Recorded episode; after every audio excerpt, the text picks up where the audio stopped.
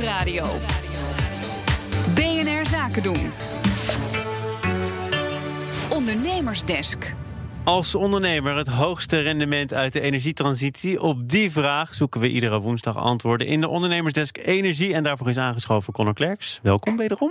Goedemiddag. We gaan het vandaag hebben over de vraag: hoe elektrificeer ik mijn wagenpark? Ja, klopt. Dat is natuurlijk iets waar de ondernemers uh, mee zitten. Hoe ga je over uh, naar elektrisch rijden? En het wagenpark van BNR dat komt van Hertz. Uh, directeur Henk van Helder die laat zijn personeel ook elektrisch rijden. Ons personeel rijdt elektrisch. Omdat ik een fan ben van elektrisch rijden. alleen, we hebben een wagenpark van 8000 voertuigen in de Benelux. En we hebben maar heel weinig klanten die een elektrische huurauto vragen.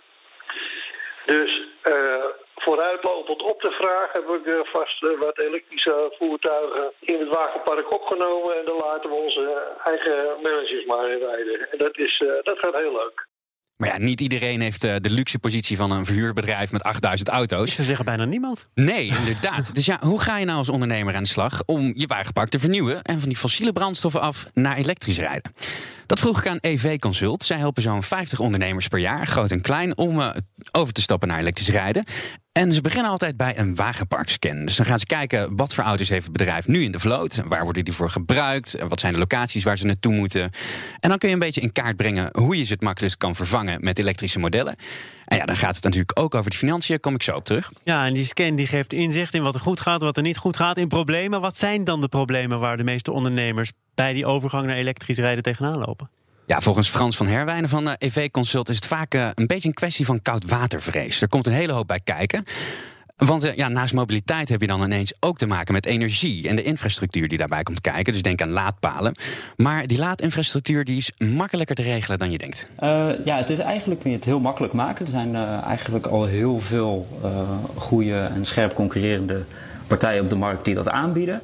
Uh, alleen je moet er een aantal keuzes in maken uh, over wat je zelf wil investeren uh, versus hoe laag je kosten dan in gebruik wil houden. Of dat je dat liever door een commerciële partij laat leveren die dat dan over de loop van tijd terugverdient.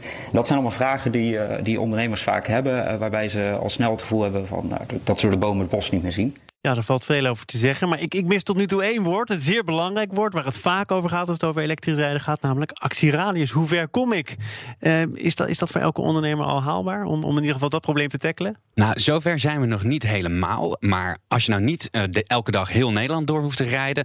dan kom je eigenlijk al best wel een eind. En ook met de personenauto's natuurlijk. Maar de bestelbusjes, daar zijn ze ook al best ver mee. Het is wel heel belangrijk om te kijken naar het gebied waarin je opereert. Je ziet nu dat gemiddeld uh, de actieradius zo'n 150 kilometer is op één batterijlading.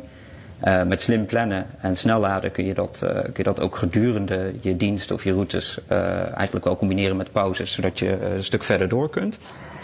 maar dat is, dat is wel maatwerk. En als jij heel vaak van Groningen naar Maastricht zo snel mogelijk moet doorrijden, daar is het nog niet zo voor geschikt voor. Maar voor regionale distributie kun je eigenlijk al een heel eind komen, uh, ook met de elektrische modellen die nu beschikbaar zijn.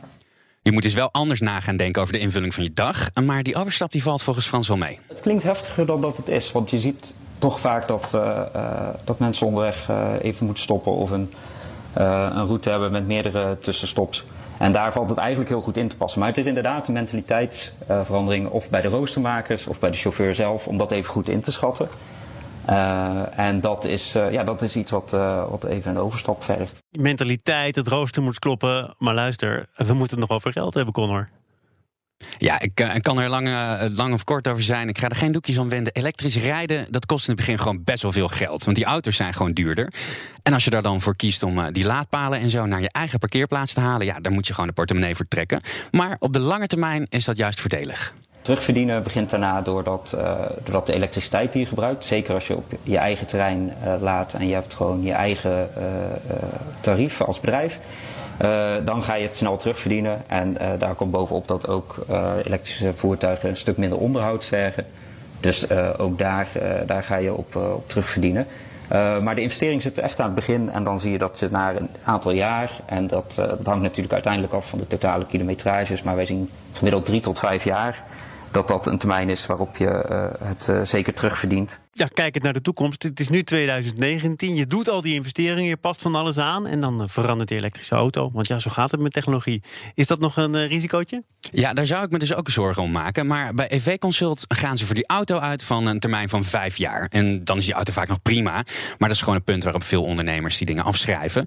En de techniek gaat wel snel, maar die laadinfrastructuur, waar dus echt die investering in zit, die is toekomstbestendig. Die standaarden zijn al behoorlijk uitgekristalliseerd. De technologie is wat dat betreft behoorlijk helder. Je ziet natuurlijk wel dat er steeds verder ontwikkeld wordt. Dus dat over vijf jaar zijn er wellicht weer uh, nog compactere laadsystemen of uh, uh, nog slimmere ICT-aansturing met meer mogelijkheden. Maar je hoeft niet bang te zijn dat de laadinfrastructuur die je vandaag aanschaft over vijf jaar niet meer past. dat, dat is voldoende gestandaardiseerd en dat, dat zal zeker compatible blijken. De Energiedesk Energie werd bemand door Connor Klerks. Dank daarvoor. De Ondernemersdesk Energie wordt mede mogelijk gemaakt door Enpuls. Enpuls, baanbrekende ideeën voor de energietransitie. BNR Nieuwsradio. BNR Zaken doen.